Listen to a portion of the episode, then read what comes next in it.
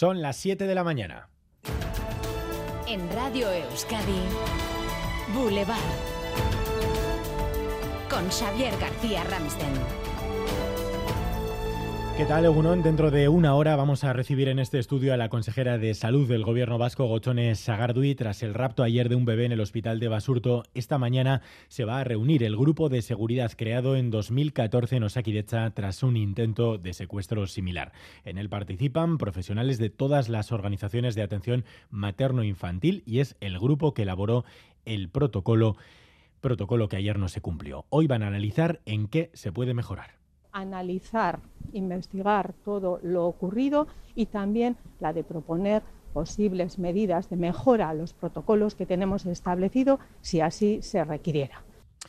Tras vivir las peores horas de su vida, Pedro y Laura, los padres de Aymar, reconocen que ahora viven las mejores. En una carta publicada en las redes sociales, agradecen a la Erchancha, a Osakidecha y a la ciudadanía su colaboración para encontrar a su bebé, especialmente a Alicia, la mujer de Santuchu que recogió del felpudo a Aymar. Pues todavía emocionada porque, joder, ese cacao esa y piensas en los padres, piensas en el crío, me emociona. Pero bueno, bien. Estaba preparando algo en la cocina y de repente ha tocado el timbre. Y nada, pues me asomo por la mirilla, no he visto a nadie digo, cosa más rara. Y he abierto, he abierto la puerta porque estaba mi marido y estaba mi hijo. Si no, habitualmente no, no, no abro por si acaso. Y según he abierto, ahí estaba en el felpudo. Pues menos mal. Sobre la detenida, una joven de 24 años sigue en manos de la Archanta a la espera de pasar a disposición judicial. Había hecho creer a su entorno que estaba embarazada y ayer presumió de haber dado a luz.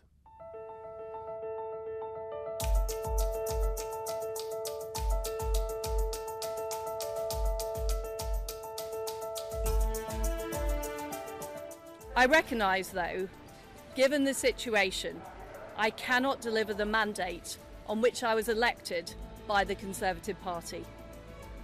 Es la otra gran noticia del día. Liz Truss se ha convertido en la primera ministra más breve de la historia del Reino Unido, un país que no levanta cabeza tras el Brexit. Suma ya cuatro premiers en solo seis años y va para bingo porque entre los posibles sucesores suena el retorno de Boris Johnson.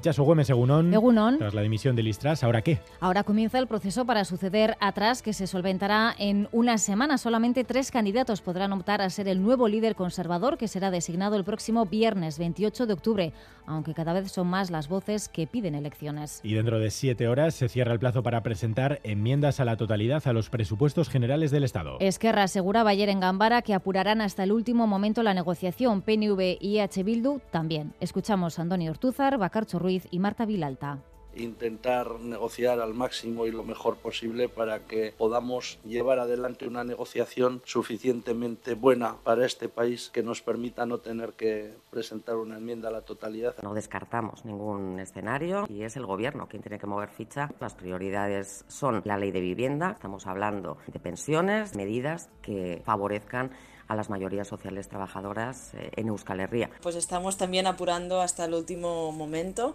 pues vamos a decidir en función también de cómo evolucionen estas conversaciones y estas negociaciones. Y repasamos otras noticias de la mañana con Leire García.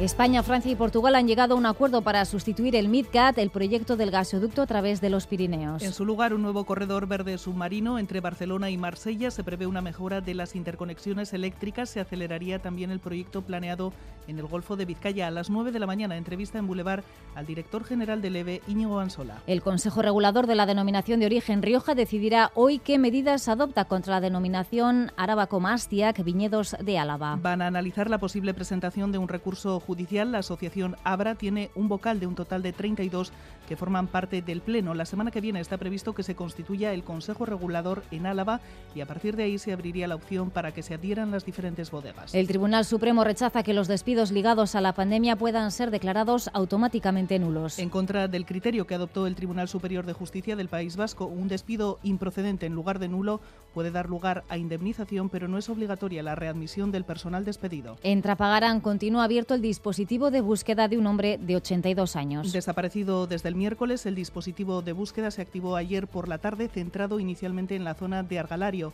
El desaparecido mide 1,85 y tiene el pelo canoso. Y en Navarra, pendientes de la evolución de un incendio en Huarte Araquil. Afecta a una zona de Monte Bajo, al norte del municipio. Parques de bomberos eh, de Cordovilla y Alsasua participan en las tareas de extinción. Y cuatro años después de sufrir un ictus, anoche volvimos a ver a Kepa Junquera. Besarka handi bat. Eskerrik asko. Eskerrik asko.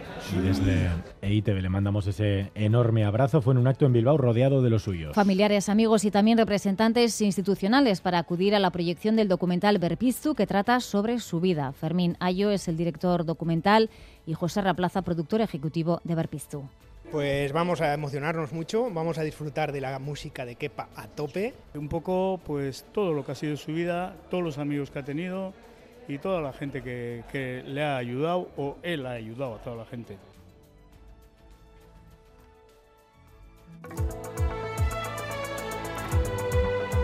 Boulevard.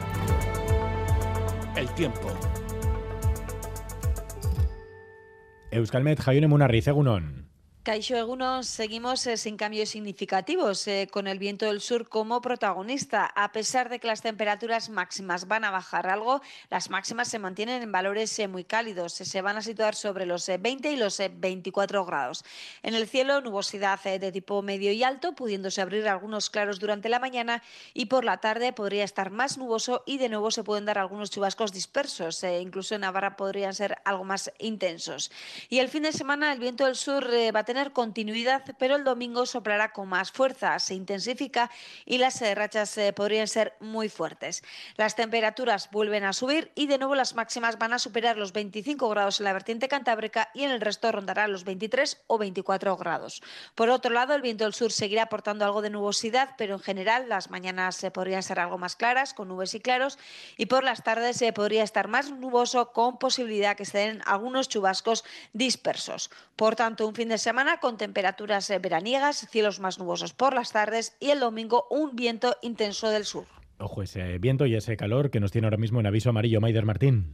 Sí, tenemos ese aviso amarillo por riesgo de incendios forestales. De hecho, desde anoche los bomberos de Navarra luchan contra un incendio que afecta a una zona de Monte Bajo al norte de la localidad de Oarte Araquil. El acceso es complicado y están trabajando contra este fuego unidades de los parques de bomberos de Cordovilla y Alchasua. A esta hora tenemos 22 grados en Biarritz, 21 en Bilbao y en Donostia, 19 en Igorre, Vergara y Tudela, 18 en Iruña y en Amurrio y 15 en Gasteiz.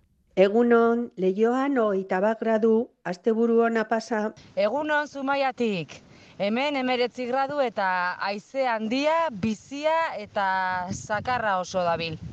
Egunon, Gernikan hogei gradu eta izugarrizko haizie. Asteburu bat ahí está el viento. Se ve y se escucha a través de la radio. Eh, Maider, ¿algún problema en carreteras? Sí, uno en el 634 en Abadiño. Un camión averiado ocupa el carril sentido Bilbao. Y nos queda el feliz, Arich Aguirre, feliz viernes, Egunon. Egunon, feliz viernes, que ha ganado la lechuga Alistras. ya lo adelantabas, pero es que tenemos las declaraciones de la lechuga. Bueno, muy vegano no suena, ¿no? Como dijimos en el feliz, se va Liz en plan desliz. La presidencia más corta dicen los malvados. No, como dice Ramsden, la más breve. Listrus, tras Listrus se acaba de ir el gobierno más breve en la historia. Bueno, 45 días de mandato y ha enterrado a una reina. Liz Truss, una primera ministra coherente porque mantiene su incoherencia hasta el final. Ayer dimitía. I cannot deliver the mandate on which I was Para el que elected. no sepa inglés, algo así como esto. Que vamos, que la he liado parda, ¿sabes? Pero dimite después de que, antes de ayer, dijera esto. I am a fighter and not a quitter. Soy una luchadora, no una desertora. Y vamos a profundizar, Ramsden, sobre esa vuelta posible de Boris Johnson, que calienta, carga de hielos el cubata. I want to thank everybody here and hasta la vista, baby. Thank you. Ramsden, ¿sabes dónde está? ¿Dónde? ¿Dónde está ahora mismo? Boris Johnson actualmente de vacaciones en la República Dominicana. Mira. Bueno, estará de vacaciones culturales, museos, charlas. Ya prepara su discurso para Downing Street. ¡Para arriba! ¡Para abajo! Cameron, Teresa May, Johnson y Liz Truss, los cuatro jinetes de la poca Brexit y vuelve el juevincho a Downing Street. Feliz viernes. Gracias, Aricha, a las ocho y media. Feliz viernes en Boulevard. Siete de la mañana y diez minutos. Comenzamos.